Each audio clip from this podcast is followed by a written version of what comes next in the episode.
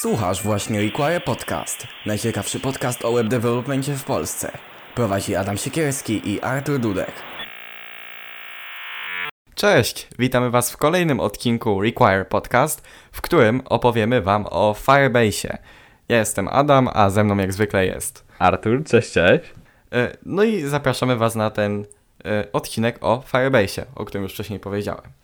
E, Najpierw zajmiemy się tym, czym jest Firebase, później przejdziemy sobie do poszczególnych elementów Firebase'a, a na końcu podsumujemy sobie i, i, i tak powiemy, kiedy może warto z tego korzystać, a kiedy nie. E, I na końcu również pojawią się szybkie nowości, e, bo zmiana moim zdaniem ma jak najbardziej sens. Artura zdaniem również i, Chyba jakby szybkie nowości już będziemy pozostawiać e, na końcu naszych odcinków. No ale tak jak powiedziałem, najpierw przejdźmy do tego, czym jest Firebase.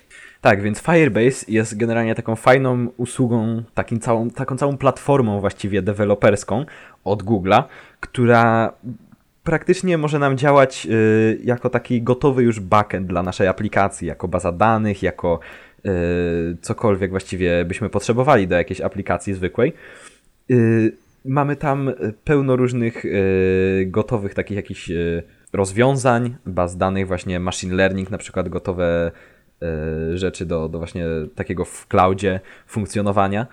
I w większości przypadków jest to chyba za darmo, jeżeli nie korzystamy aż tak dużo. Ale generalnie jest to y, bardzo fajne narzędzie praktycznie dla, dla każdego. Wystarczy się tego nauczyć i każdy może pisać takie full stackowe apki bez, bez potrzeby pisania takiego właściwego kodu backendowego. E, Firebase działa na architekturze Google Cloud. E, Jest takim swego rodzaju wyższym poziomem abstrakcji na właśnie Google Clouda, e, dając nam, tak jak już Artur powiedział, gotowe rozwiązania do różnych problemów, jakie możemy napotkać tworząc aplikację z backendem. I całość koncentruje się na tym, by Firebase był jedynym backendem w naszej aplikacji i byśmy musieli pisać jak najmniej kodu odpowiedzialnego za obsługę e, naszej apki na backendzie.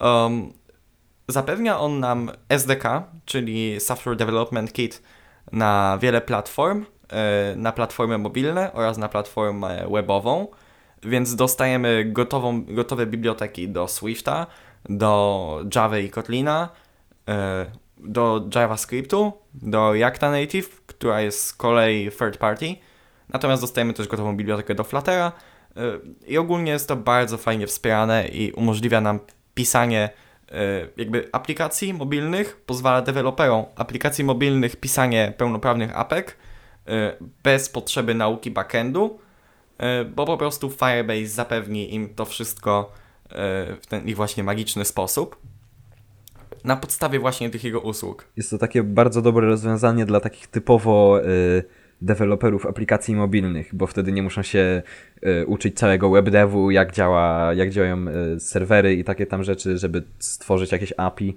y, restowe czy coś. A tu mogą po prostu wykorzystać już gotowe narzędzia i mieć to jakby w jednej paczuszce bardzo łatwe, pełno różnych jakby funkcjonalności i za darmo. Więc jakby przejdźmy sobie do tych głównych elementów Firebase'a, które się na niego składają i które składają się na to, że właśnie jesteśmy w stanie tworzyć te apki. I takim pierwszym podstawowym elementem Firebase'a, od którego, od którego jakby, od którego idei sam Firebase wyszedł, y, jest aktualnie Firestore, czyli baza danych, którą jesteśmy w stanie użytkować z poziomu aplikacji klienta. E, Jest to baza danych ogólnie taki zwykły NoSQL od strony technicznej, opierająca się na dokumentach, e, w której mogą znajdować się również poddokumenty, e, bazuje oczywiście na obiektach, e, zwykłe indeksy, jakby to nie jest nic specjalnego. Mm, Może być podobna i jakby może być prosta dla użytkowników Mongo, bo działa całkiem podobnie. Tu, tak, tutaj jest właśnie catch, tutaj jest taki haczyk, że nie jest to tylko zwykły, taki, taki podobny do Mongo, zwykła tylko baza danych. I zawiera też pełno różnych takich y, narzędzi w stylu na przykład, y, że możemy sobie napisać jakieś regułki do sprawdzania danych, jak chcemy y, jakieś dane wprowadzać, a poza tym możemy z tego korzystać bezpośrednio jakby z frontendu, z, samej sobie aplikacji za pomocą tego SDK, bo nie ma tutaj jakby żadnych takich y, prywatnych rzeczy, które normalnie byśmy musieli ukrywać na jakimś backendzie, na jakimś serwerze, na jakimś REST API. Tutaj możemy po prostu to sobie zaimportować i używać sobie jako tak jakby API, tak jak używamy Mongo za pomocą drivera, tylko że y, tutaj nie, nie właśnie niepotrzebny jest ten backend, nie? Można tak, po prostu no sobie bezpośrednio. Taki jest sens tworzenia backendu, jakby ograniczenie dostępu do całej bazy danych, bo jeżeli byśmy dali tą całą bazę danych, powiedzmy takie Mongo, użytkownikowi na froncie, ten użytkownik w tej bazie mógłby zrobić dosłownie cokolwiek, tak? No dokładnie. Oczywiście tam moglibyśmy jakoś ograniczyć tak. do poszczególnych tabeli, ale jakby generalnie robi się cały backend po to, by ograniczyć dostęp do, do bazy danych, by ograniczyć jakby te akcje, które użytkownik może wykonać. I teraz Firebase da, Firebase daje nam możliwość bezpośredniego połączenia się z, baz, tą bazą danych, ale z poziomu frontendu, yy, a to dzięki temu, że z tyłu w samym Firebase, w jego panelu kontrolnym, w jego dashboardzie, jesteśmy w stanie sobie ustawić poszczególne regułki, które operują na dość podobnym syntaksie do JS-a. I chodzi o to, że te regułki pozwalają nam jakby ustawić, czy dany użytkownik może wykonać jakąś akcję, tak? Dzięki czemu to wszystko jest bardzo bezpieczne. Y, no bo powiedzmy, że mamy jakąś tam prostą apkę, użytkownik dodaje jakieś dane no i jakby chodzi o to, żeby, że, że musimy uży użytkownikowi dać tylko możliwość dodawania swoich danych i edytowania tylko swoich danych, no to wtedy wykorzystamy sobie regułkę, dodamy regułkę, która właśnie mówi o tym, że użytkownik może wykonać daną mutację na bazie danych, tylko jeżeli obiekt, dokument, y, do którego dostęp chce otrzymać, y, został utworzony dokładnie przez tego użytkownika, tak? I możemy sobie tworzyć te jakieś różne ciekawe regułki, żeby właśnie móc, żeby właśnie móc dać dostęp do tej bazy danych na, na nasz frontend. Tudzież aplikację mobilną na iOS-a czy, czy na Androida. Dokładnie. I, I, tak to właśnie działa. Do tego Firestore oferuje nam możliwość e, tak zwanego automatycznego synchronizowania się. Nie wiem, jak oni to dokładnie określają, ale chodzi o to, że e, możemy sobie wykonywać pojedyncze zapytania, e, ale możemy również się podłączyć pod tą bazą danych i czekać na jakieś zmiany, co umożliwia nam powiedzmy podłączenie się pod jakiś obiekt, pod jakiś dokument i oczekiwać na zmiany w jego poddokumentach. Jeżeli powiedzmy jakiś inny użytkownik, z którym na przykład jesteśmy w czacie, albo to jest jakaś, nie wiem, strona z dynamicznymi postami, tak? Jeżeli nowy post zostanie dodany lub ktoś do nas napisze na czacie, to Firestore y, po stronie naszej aplikacji klienckiej wywoła sobie dany event, y, który mu tam podamy dzięki czemu jakby jesteśmy w stanie się podłączyć do bazy danych i na bieżąco patrzeć na zmiany. I to jest jakby bez w ogóle żadnej naszej interakcji. Gdybyśmy to normalnie robili, musielibyśmy sobie powiedzmy zakładać WebSockety Ta, albo jakiś inny sposób dwukierunkowej komunikacji, nie? A tak tutaj po prostu Fire, Firebase ogarnia to za nas. Y, jakby jedyne co my robimy, to po prostu wykorzystujemy jedną funkcję, która pozwoli nam te dane pozyskać, a następnie czekać na ich zmianę. I to jest mhm. właśnie coś takiego świetnego, że, że jakby my nie musimy znać w ogóle technik backendowych. E, jedyne co my musimy umieć to po prostu korzystać ze zwykłego SDK, ze zwykłych funkcji, które tam zostały utworzone przez Firebase'a. No dobra, kolejną częścią Firebase'a powoduje, że on jest takim super fajnym kitem do, do robienia e, takich apek jest Firebase Auth, czyli, takiego, czyli taki gotowy jakby mechanizm do autoryzacji w, w naszej apce. To znaczy My jedyne co robimy, to wywołujemy jedną funkcję, znowu, odpowiadającą za zalogowanie się yy, i Firebase ogarnia wszystko za nas. Ogarnia za nas trzymanie tokenów, ogarnia za nas, za nas sesje, ogarnia za nas również jakby te wszystkie dostępy do bazy danych, to wszystko ze sobą współpracuje. Yy, I tak jak mówiłem, wywołujemy jedną funkcję, yy, Firebase sam ogarnia kod odpowiadający za zalogowanie się, jeżeli użytkownik się zaloguje, to następnie Firebase umożliwia nam dostęp do danych tego użytkownika, e, do powiedzmy jakichś tam podstawowych rzeczy typu imię, nazwisko i tym podobne rzeczy. Daje nam jakby to wszystko to SDK od nich i możemy z tego korzystać. No jakby my się ograniczamy do wywołania jednej funkcji i stworzenia listenera na zmianę stanu tej autoryzacji. Mhm. No i tutaj rozwiązań jest naprawdę wiele. E, możemy logować za pomocą zwykłego e-maila i hasła E, możemy się logować za pomocą różnych OAuthów, co jest super. Mamy OAuth od GitHuba, od Facebooka, od Google'a, naprawdę tego jest wiele. E, I, I wszystko nadal ogranicza się do wywołania jednej funkcji, ustawienia sobie po prostu tego wcześniej na, gdzieś tam w Firebase'ie. Firebase Auth również ogarnia nam wszystkich użytkowników, ogarnia nam e, jakby dane użytkowników, trzymanie tych użytkowników gdzieś, zabezpieczenie tego wszystkiego. My się niczym nie interesujemy, my tylko wywołujemy funkcję do zalogowania się i, i dostajemy jakby gotowy stan au, autoryzacji, nie? Mhm. I znowu właściwie eliminuje to praktycznie jakikolwiek, y, jakąkolwiek potrzebę na to połączenie Firestora i, i tego AUFu. Eliminuje nam kompletnie potrzebę jakiegokolwiek y, właściwie backendu do takiej full stackowej, znaczy full stackowej, takiej pełnej całej platformy nawet. No tak, bo jakby w tym przypadku również, tak? Użytkownik się zaloguje i chcąc dodać jakieś dane do Firestore'a, to Firestore w tych swoich zabezpieczeniach widzi, że to jest użytkownik zalogowany i że to jest dokładnie ten użytkownik, który to utworzył, tak? Mhm. I wtedy możemy sobie później znowu, tak jak mówiłem, tak? Ograniczać dostęp do edytowania danych tylko y, użytkownikowi, tylko do tych danych, które sam utworzył i tylko może te dane zedytować. To się wszystko po prostu łączy bez naszej ingerencji i my po prostu tylko korzystamy z tego wszystkiego i, jakby piszemy naszą aplikację nie myśląc o tym, co się dzieje z tyłu gdzieś tam. Mhm. Są tego zady i walety, ale o tym powiemy później tam pod koniec. Tak, jeszcze fajne jest to, że umożliwiają jakby tak bardzo tak, tak, taką dużą gamę tych yy, właśnie OAuth-owych loginów typu właśnie Google, Facebook, Twitter, takie tam, bo pamiętam jak ja sam robiłem OAuth z Discordem po raz pierwszy, to to było trochę bolesne, bo dokumentacja nie była aż taka dobra i musiałem się bawić. I to od każdego serwisu jest trochę, w każdym serwisie działa to trochę inaczej. To na jakie endpointy i tak dalej, jakie typy danych wysyłamy, a on nam to te wszystkie OAuFy sprowadza do takiego jakby takiej jednej paczuszki, że zalogujesz się za pomocą tego albo tego, wybierz sobie.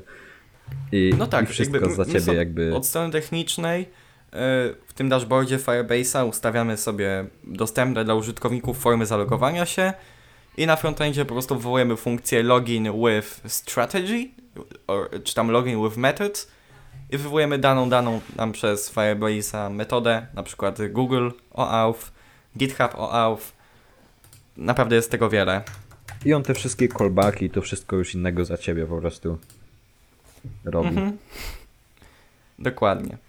Tak, kolejnym takim e, elementem tego, tej całej platformy, którą jest Firebase, są functions, Firebase Functions, yy, czyli praktycznie takie serverless functions. Jeżeli ktoś yy, jeszcze nie słyszał, czym są serverless functions, to bodajże mamy odcinek o tym jakiś.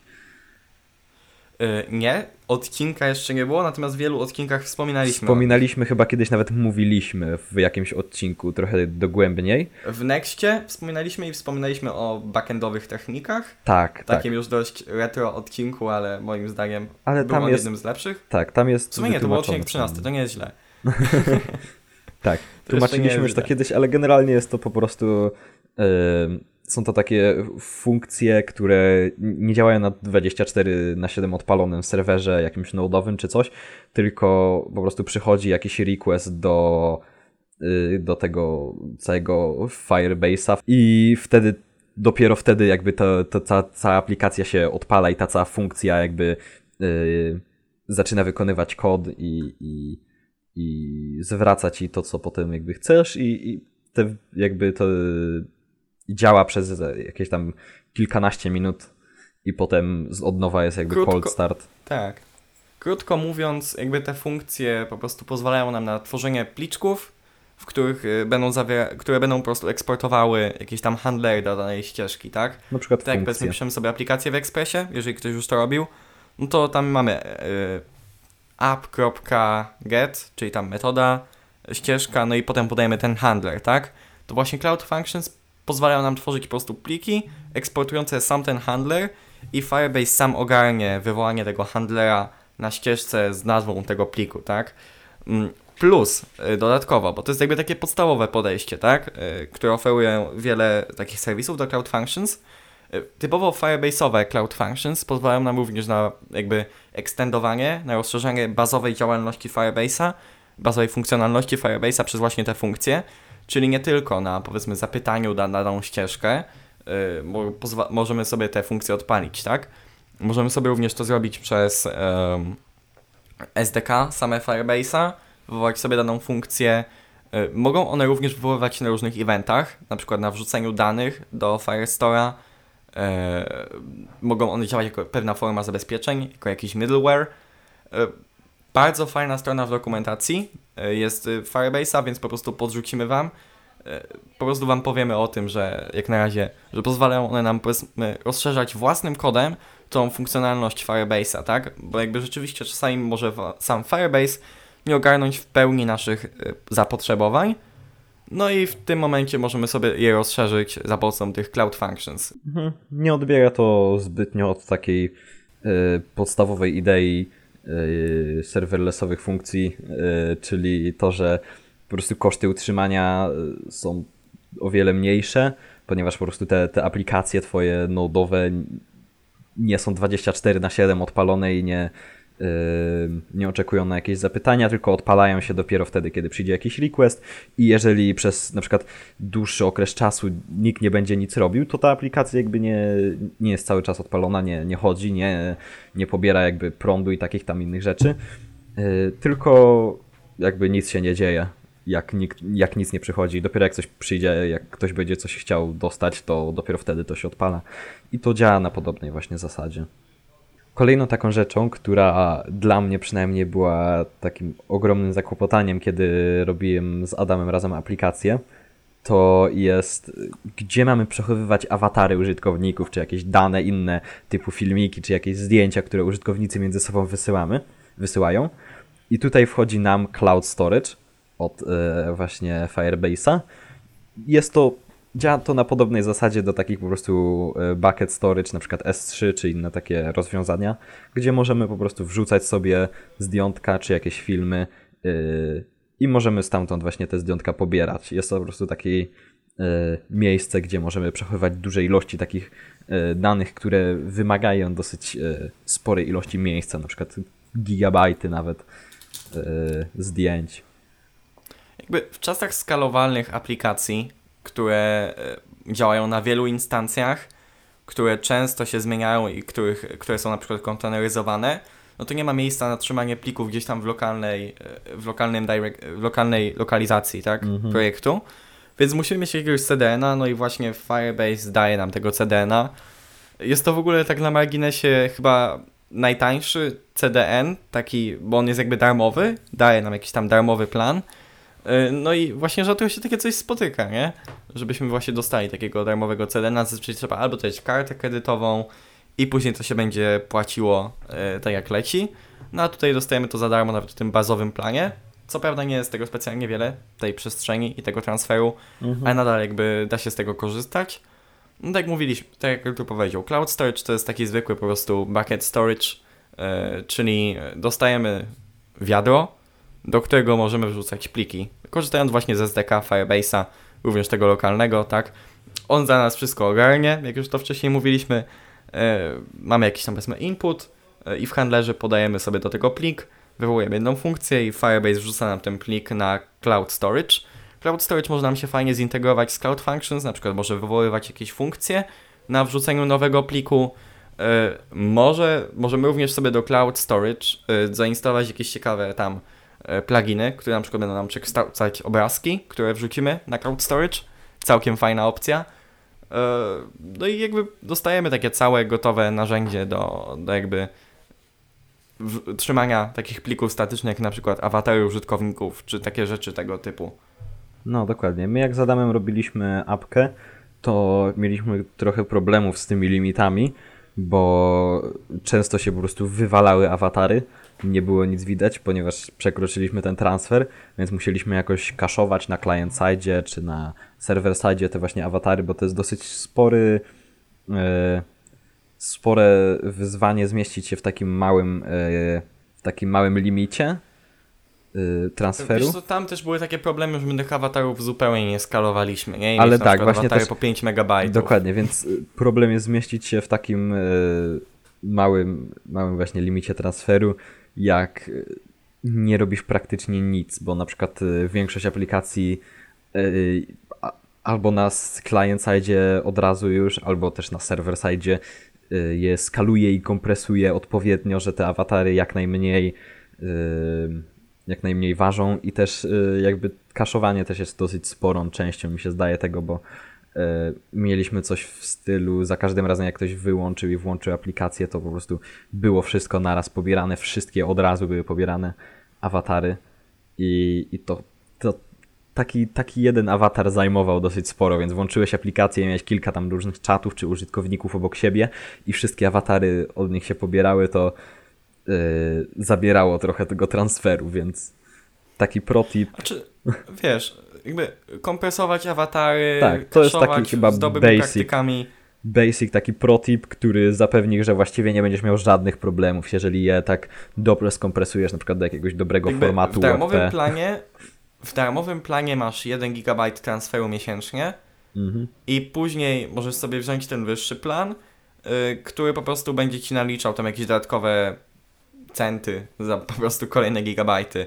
To jest chyba 18 centów za dodatkowy gigabajt transferu dziennie, więc to jest naprawdę mało. No więc no jest to dosyć śmieszne, jeśli masz jakąś taką po, jakby e, poważną aplikację, na której też zarabiasz, więc Chociaż chyba w tym wyższym planie masz nawet to bez limitu, nie jestem pewien, ale jakby da się to bez problemu przejść i przeżyć, nie? tak, jest to chyba takie najbardziej user-friendly e, content delivery. E, najłatwiejsze takie właśnie zajmowanie się zdjęciami w apce, jak, z jakim się dotychczas spotkałem, bo te inne serwisy były trochę bardziej skomplikowane i tak. Są trudniejsze. Mhm. No a Firebase, jak to Firebase jest bardzo prosty. Jakby te cztery rzeczy, które wam podaliśmy, czyli Firestore, Auth, Cloud Functions i Cloud Storage, tworzą taki bazowy stack Firebase'a, który, w, który, w oparciu o który możemy stworzyć jakby pełnoprawną aplikację. Teraz jeszcze podamy Wam cztery inne rzeczy, związane również i należące również do jakby pakietu Firebase'a, które naszym zdaniem nie są tymi głównymi selling pointami, ale są również bardzo ciekawymi rzeczami, które mogą nam ułatwić tworzenie tej apki i jeszcze bardziej jakby e, zmniejszyć potrzebę tworzenia własnego backendu, nie? Pierwszą rzeczą e, jest Real-Time Database, który powstał nieco wcześniej niż Firestore, był jakby takim poprzednikiem Firestore'a. Obecnie jest natomiast używany jako bardziej zoptymalizowana pod właśnie to nasłuchiwanie na zmiany bazy danych. Tak więc nie bazuje ona aż tak bardzo na, na obiektach samych, tak jak bazuje Firestore. Jest nieco bardziej e, uboga w funkcje. Natomiast to, co, to w czym jest lepsza od Firestore'a, to czas odpowiedzi po prostu. Czyli nasłuchując na zmiany, te zmiany pojawią się jeszcze szybciej, y, gdy korzystamy z Real-Time Database. Stąd wynika jej nazwa, nie? Mhm. I stąd też Real-Time Database y, jest idealna na przykład do czatów, tak? Ona te dane trzyma po prostu w zwykłych JSONach, przez to jest bardzo prosta w obsłudze, no jest bardzo szybka i właśnie świetnie się sprawdza takich rzeczy, kiedy y, musimy po prostu szybko aktualizować jakieś tam dane, tak? Powiedzmy jakiś czat, czy, czy coś jeszcze. Tak, jakieś leaderboards na żywo, czy jakieś inne No rzeczy. chociaż do tego można nawet Firestore. No i takie rzeczy, które po prostu wymagają szybkich aktualizacji, nie? No to tam właśnie wykorzystamy Real-Time Database. Mhm. Dalej mamy Cloud Messaging, który sprawdza się do powiadomień. Yy, I jest to obecnie tak właściwie chyba jedyne rozwiązanie do powiadomień na Androida. Mhm. I tak naprawdę jakakolwiek aplikacja chcąca mieć powiadomienia musi skorzystać z Firebase yy, i właśnie z Cloud Messaging, FCM yy, w skrócie. Kiedyś był to GCM, czyli Google Cloud Messaging, natomiast Google chcąc wypromować Firebase'a wszystko przerzuciło na Firebase Cloud Messaging. Daje nam to świetny pakiet do właśnie takich powiadomień, y, do, push, do powiadomień typu push. Y, Możemy sobie te powiadomienia wysyłać przez z, jakby z poziomu admin SDK, które jest dostępne na nasz serwer. Możemy sobie te powiadomienia wysyłać z poziomu Cloud Functions. Możemy sobie te powiadomienia wysyłać z poziomu e, również panelu dashboardu Firebase'a, co pozwoli nam tworzyć jakieś tam powiedzmy kampanie reklamowe czy, czy jakieś tam testy. Tylko nie róbcie tak jak mBank, który na przykład wysłał te powiadomienia Ensi, Onży i Ciży, Tak, czy jakoś tak, nie? Test To powiadomienia oni właśnie push. korzystali z Firebase'a i, i wysyłali w ten sposób te Ojej, powiadomienia. One w masakra. ten sposób były wysłane. Masakra. No, ale generalnie jak robicie apkę na Androida, to wiecie gdzie zajrzeć. Dokładnie. Tyle. E, Więc Cloud Messaging daje nam gotowe rozwiązanie po prostu do wysyłania powiadomień typu push. Kolejną rzeczą, e, dość ciekawą, jak na razie jeszcze w fazie beta, ale moim zdaniem super się zapowiada, jest Firebase ML, Firebase Machine Learning, mm. czyli takie bardzo modne pojęcie w ostatnich czasach, chociaż bardzo przydatne są te rzeczy. Firebase ML to jest generalnie cały taki zestaw rzeczy do, do implementowania właśnie machine learningu naszej aplikacji. Mm, generalnie głównym selling pointem jest po prostu łatwość w obsłudze yy, i po prostu brak potrzeby maintainowania czegokolwiek. Mhm. Dają nam gotowe modele od nich, yy, modele Vision, które pozwalają, które dają na przykład gotowe rozwiązania do wykrywania czegoś na zdjęciach, yy, na przykład do skanowania też kodów kreskowych, Mm, jakby na przykład wykrywania landmarków, tak? Robimy czegoś zdjęcie, on wykryje nam, co się znajduje na zdjęciu. Takie różne jakby przydatne funkcje, również wykrywanie twarzy. To jest, taki, to jest taka pierwsza rzecz, czyli vision. Dalej mamy mm, takie ulepszone vision, które możemy również ekstendować, czyli możemy, czyli dostajemy jakby gotowy model i możemy go dodatkowo przetrenować na naszych danych celem jakby na przykład uściślenia jego potrzeb, tak? czyli powiedzmy do, on, oni nam dają gotowy model do wykrywania obiektów na obrazkach, a my chcemy wykrywać tylko specyficzne obiekty i specyficzne rodzaje tych obiektów, tak? Czyli on wykryje samochód, a my go sobie dodatkowo przetrenujemy, by wykrywał dane modele samochodów. Taki tutaj przykład akurat. Mhm. E, I do tego jeszcze Firebase ML posiada w zestawie możliwość analizowania tekstu celem na przykład tłumaczenia tego tekstu albo na przykład wykrywania jakby języka, w którym tekst jest napisany oraz na przykład generowania takich odpowiedzi na pytania, tak? Czyli powiedzmy mamy jakiegoś chatbota, on zadaje pytania, no i my jesteśmy w stanie wtedy odpowiedzieć na to pytanie powiedzmy zgodnie z gramatyką, tak?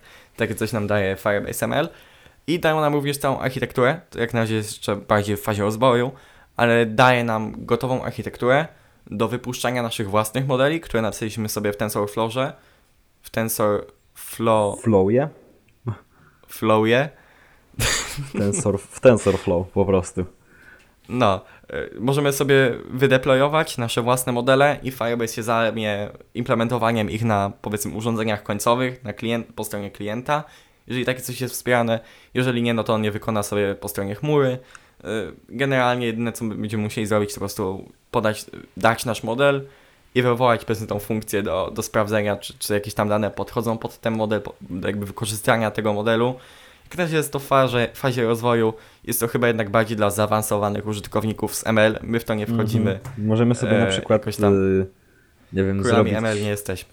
Tak, możemy sobie na przykład zrobić do, do swojej apki y, social media wkurzający prompt hej, nie widzimy twojej twarzy na tym zdjęciu. zamieść jakieś zdjęcie, żeby inni cię rozpoznali, nie? Na przykład, kurde, machine learning na rozpoznawanie twarzy czy coś. Mhm, dokładnie. Co by było trochę overkill i bez sensu, ale jest na pewno pe wiele innych use case'ów, yy, bo po prostu jesteśmy za głupi, żeby wymyślić coś. A czy no jakby to jest taka przydatna rzecz, mm -hmm, nie? Tak czy siak Na przykład wykrywanie jakiegoś rzeczy, na przykład skanowanie tych barcode'ów, tak? To o, jest taka przydatna funkcjonalność no, mnie się podoba. I dalej mamy jeszcze Firebase Hosting, taką ostatnią, taki ostatni element, jakim chcemy Wam wspomnieć. Jest to po prostu zwykły hosting y, statycznych stron. Dajemy po prostu gotowe pliki HTML, CSS, JS. Y, możemy to wydeployować w prosty sposób przez jakieś tam CI, przez y, nasz command line. Y, no i po prostu Firebase będzie nam trzymać te pliki i je hostować bardzo fajna jest domenka, pod jaką on będzie trzymał te, te mm -hmm. apki. E, jakby podaję mu indeks HTML, tak? Możemy, możemy sobie tam hostować stronę Gatsby czy coś. Fajny jest URL, pod jakim on to trzyma, bo to jest nazwa apki.web.app, nie? Dokładnie. Więc to jest takie akurat fajne. Mają swój taki podstawowy fire, firebaseapp.com, ale możemy też sobie wybrać ten ich e, customowy, customową subdomenkę web.app. web.app. Bardzo Czyli powiedzmy, tworzymy sobie fajnie. jakąś apkę mobilną, e, chcemy sobie do niej stworzyć, e, wiadomo, stronkę internetową lub jakby internetową wersję, no to po prostu mamy nazwę aplikacji web app i to jest jakby intuicyjne i nie narzuca się, że to jest specyficznie z Firebase'a, nie? Dokładnie, jest to fajna, fajna subdomenka i no i przydatna. I to jest koniec z tych takich podstawowych elementów Firebase'a. E, jeszcze raz tak powtórzmy, Firestore, czyli, czyli ta baza danych, AUF, czyli ta autoryzacja, e, Cloud Functions, funkcje serverlessowe w wykonaniu Firebase'a, Cloud Storage, czyli trzymanie takich statycznych plików, e, jakby bucket storage, czyli CDN, Content Delivery Network, Real-Time Database, czyli baza danych, taki Firestore, ale bardziej skoncentrowany na, na dynamice tych danych, Cloud Messaging, czyli do, do powiadomień, ML, czyli do machine learningu oraz hosting, czyli do po prostu trzymania internetowych aplikacji, po prostu wersji internetowych, tak zbudowanych już. No dobrze, więc teraz jeszcze chcielibyśmy przejść do takiej części, w której mm, zastanowimy się nad tym, kiedy warto korzystać z Firebase'a, a kiedy nie warto z niego korzystać. Myślę, że jest to takie do, dobra kwestia do zastanowienia się, bo, bo jakby wiele osób może pomyśleć, że warto w takim razie wpychać go wszędzie i po co w ogóle pisać kod backendowy. No nie. E, I jakby Firebase jest do pewnych ograniczonych zastosowań. E, przede wszystkim wrzucamy Wam link na nasze archiwum e, do takiej stronki od Firebase'a, na której są wymienione ciekawe use cases do Firebase'a. Polecamy sobie zajrzeć. No, mhm. a teraz my się zajmiemy tym, kiedy my myślimy, że nie warto, a kiedy myślimy, że warto. Zaczniemy paradoksalnie od tego, kiedy nie warto, bo może być to y, ciekawe podejście.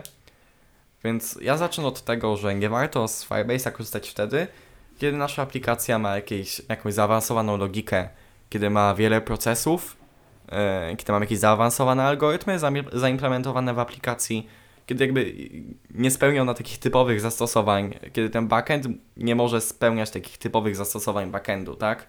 Kiedy robi coś więcej niż taki typowy backend e, z bazą danych i, i trzymaniem plików statycznych. I tutaj rzeczywiście Firebase się nie sprawdzi. Oczywiście możemy skorzystać z Cloud Functions, a nadal, nadal nie da nam to tak jakby całego, e, całego staku możliwości, które moglibyśmy mieć przy takim typowym po prostu pełnoprawnym backendzie. Mhm. Tak jak się mówi, wszystkiego w umiarze. Nie powinno się jakby wszędzie tego pakować, bo są, są przypadki, gdzie po prostu nie jest to odpowiednie, a czasami po prostu jest to overkill na, na nasz use case. Y, dalej, mm, nie, jeżeli zależy nam na wielu możliwościach rozwoju kodu. Y, no niestety, jeżeli gdzieś tam w daleko w rozwoju projektu Firebase nagle przestanie y,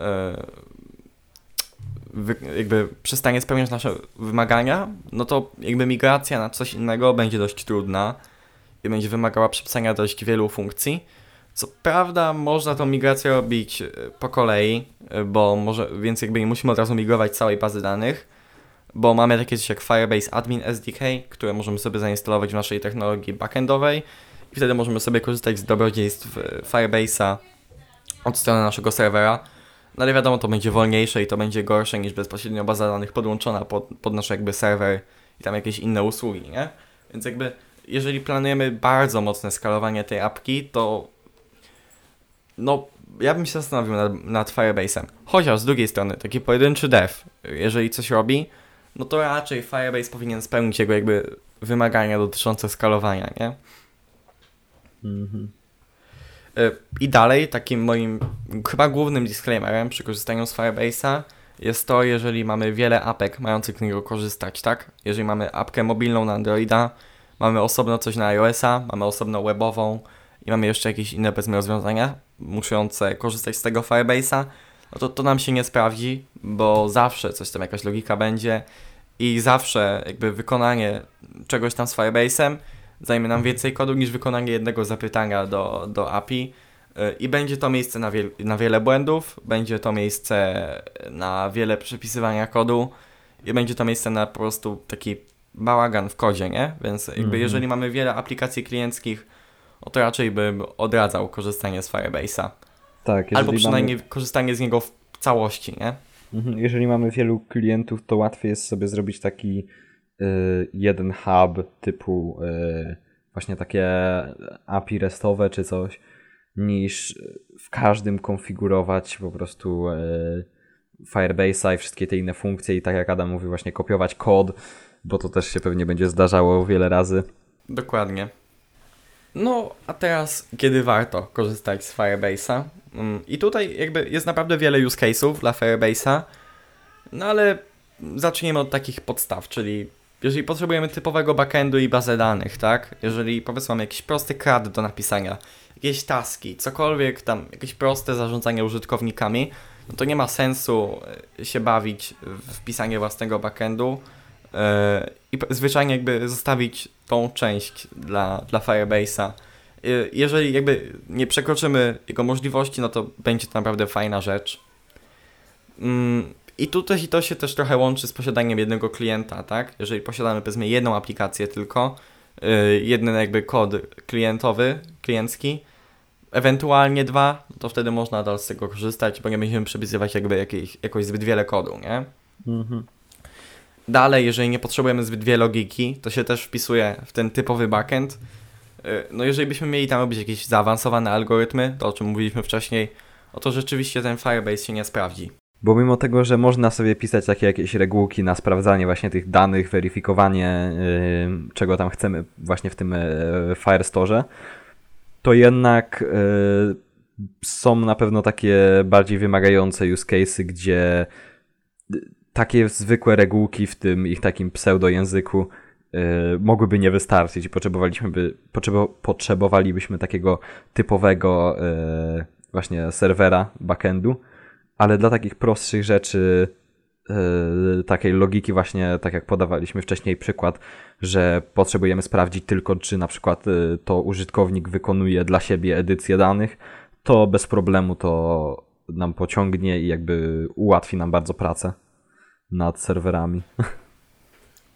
No i z takich ciekawych rzeczy, które podaje nam Firebase na ich stronie, use cases, no to mnie się na przykład podoba możliwość dodawania analytics, czyli analizy jakby tego, jak użytkownicy się zachowują w naszej aplikacji, y, korzystając właśnie z Firebase'a, bo o tym nie wspomnieliśmy, ale Firebase też nam daje jakby gotowy set y, do Google Analytics oraz do Google AdMob, czyli i do jakby analizy zachowania użytkowników w aplikacji oraz do możliwości wyświetlania reklam.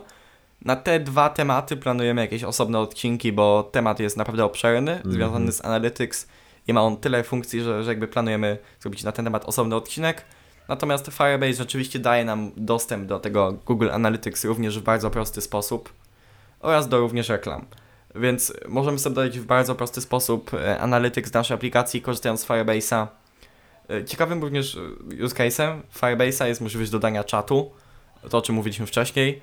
No i tam możemy skorzystać rzeczywiście z Real-Time Database oraz z Firebase Auth jakby nie musimy wtedy pisać własnych WebSocketów, tak, na naszym backendzie, tylko po prostu czat ogarnie nam Firebase. To jest to, co kiedyś bardzo żałowałem, że z tego nie skorzystałem, nie? Później tak musiałem wrzucić Firebase'a do apki, no ale nie skorzystałem z tego, z tego yy, real-time database i, i, trochę potem żałowałem. Mhm. Fireship, taki fajny youtuber, y, o którym już wspominaliśmy bodajże w odcinku z Romanem, zrobił też ostatnio taki y, filmik, jak bardzo szybko i bardzo, w bardzo prosty sposób możemy zbudować od podstaw taką aplikację do taki basically chatroom y, za pomocą po prostu Reacta i Firebase'a i nic więcej. I jest to bardzo fajny taki tutorial, który moim zdaniem jest bardzo ładnie wytłumaczony, więc też polecam. Y, jak ktoś będzie chciał zrobić właśnie coś w stylu takiej apki do czatu. Y, też ciekawą funkcją Firebase'a, y, która się przyda przy większych aplikacjach, dlatego też o tym nie wspominaliśmy, jest Remote Config, który pozwala na deployowanie poszczególnych funkcjonalności apki do poszczególnych testerów, tak? Czyli ustawiamy sobie jakąś grupę testerów w naszej aplikacji i do nich wypychamy powiedzmy jakieś tam poszczególne Jakiś taki canary branch funkcji aplikacji. Właśnie do tego służy remote config, do po prostu wypychania do poszczególnych użytkowników danych funkcjonalności. Mhm. No i po takich więcej innych ciekawych use case'ów, właśnie tak jak powiedziałem, zapraszamy na ten link, którego tam wrzuciliśmy. I myślę, że to jest dobre miejsce, w którym możemy zakończyć ten odcinek. Jeszcze nie. Myślę, no tak, bo jeszcze będą szybkie Dokładnie. nowości. Dokładnie. Myślimy, wam się, myślimy, że spodobał Wam się Firebase, że zachęciliśmy Was do skorzystania z niego, a przynajmniej sprawdzenia, yy, o co w ogóle w nim chodzi, jak się rzeczywiście z niego korzysta. Wrzucam Wam oczywiście link do niego, do jego dokumentacji. Otwórzcie sobie jakiś prosty projekt, spróbujcie sobie cokolwiek w nim zrobić, bo naprawdę w wielu projektach, e, gdzie backend może nam naprawdę utrudnić robotę, Firebase może nam rozwiązać wszystkie problemy, bo jakby ogarnie te wszystkie funkcjonalności, jakie potrzebujemy, tak? Możecie również rozszerzać swoje obecne aplikacje o, o Firebase'a właśnie też od strony tego naszego serwera e, przez Firebase SDK, przez Firebase Admin SDK. Co prawda ja nie mam z tym najlepszych odczuć, ale jakby można z tego korzystać i jest to bardzo fajne, nie? Chociaż tak jak powiedziałem wcześniej, najfajniejszą, najfajniejsze wrażenia Firebase daje nam, kiedy używany jest po prostu samodzielnie. Tak, E, jakby to jest wtedy bardzo fajne. dokładnie. No a teraz do szybkich nowości, e, których mamy trzy. Tak, dokładnie, jak zwykle chyba.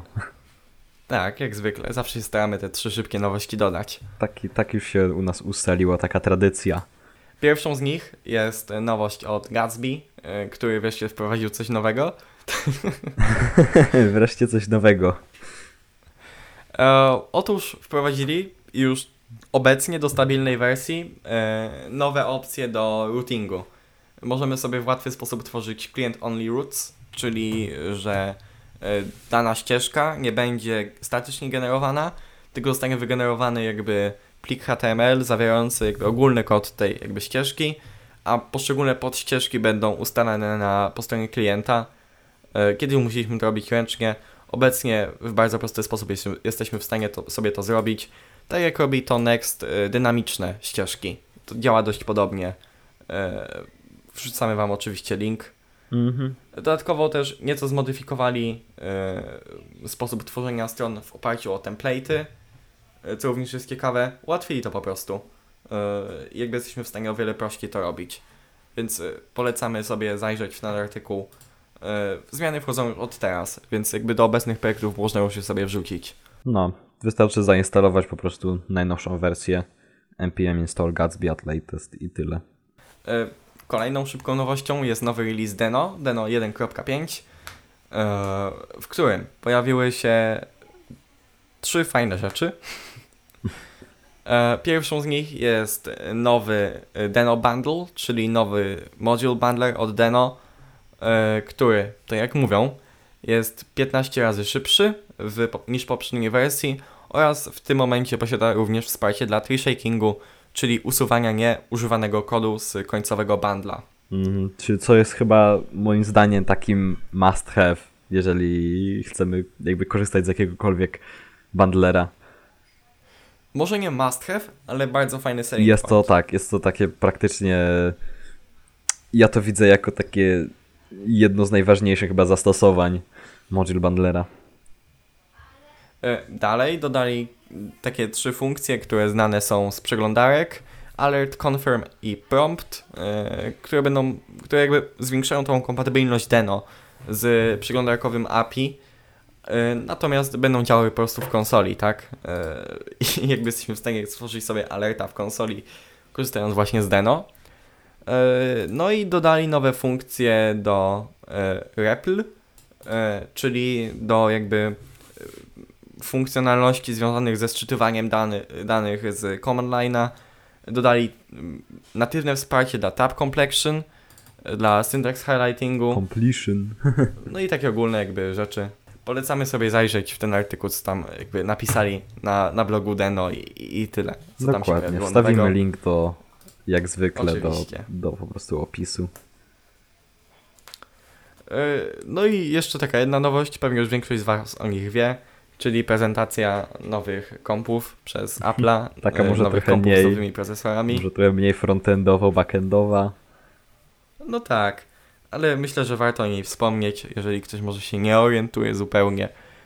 No to Apple zaprezentowało nowe MacBooki z procesorami ARM, w architekturze ARM, y, które rzekomo, patrząc na benchmarki, zupełnie w, w ogóle wygrywają z procesorami Intela w Macach. Y, Podobno wie, są dobre. sobie takiego sprawimy. Tyle. Najbardziej nie podoba mi się to, jak y, piszą latest PC laptop chip, nie? To tak jak powiedziałbym, y, pasta do zębów wiodącej marki. No nie jest to jakby zbyt, zbyt do, nie są to zbyt dokładne dane analityczne. Tak, dane, które podają, tylko że jakby zauważ, że... Ale tak czy siak jakby jest on podobno dobry, mimo wszystko. Zauważ, że jakby oni nie są w stanie tego liczbami wyrazić, bo chodzi o to, że tutaj wszystko się komunikuje zupełnie inaczej niż w tradycyjnym kompie. Tak, nie? dokładnie. Gdzie mamy jakby procesor gadający z chipsetem, to jednego wszystkiego nie ma, tutaj nie ma żadnej jakby standardów. To jest wszystko wszystko- jakby w jednym, tam masz nawet tam masz nawet RAM jakby wbudowany w to. Ta jakby porównywanie tego z innym sprzętem po prostu nie ma zwyczajnie sensu, nie? Tak samo jak jakby iPhony yy, mając swoje własne chipy i rzekomo 4 GB RAMu są szybsze od Samsungów flagowców z 12 GB RAMu. Jak? Nie wiadomo, ale są szybsze. No. I to wszystko. Y, Dziękujemy Wam za przesłanie tego odcinka. Tak jak powiedzieliśmy wcześniej, zajrzyjcie do archiwum. Zapiszcie się do newslettera, bo y, w ostatnim tygodniu poszedł nowy list. W przyszłym tygodniu też pewnie coś wyślemy do Was, więc, więc zapiszcie się. Dokładnie. E, Postaramy się częściej te... Zapraszamy na YouTube'a. Możecie zasubskrybować, dać łapkę w górę, polecić podcast znajomym. To już chyba taki standard, co, co my mówimy. Zapraszamy No też cóż. na Discorda. Możecie z nami pogadać, zaproponować coś, albo sobie dostać jakieś nowe powiadomienia o odcinkach, bo mamy kanał. Ostatnio zrobiliśmy sobie e, community e, serwer.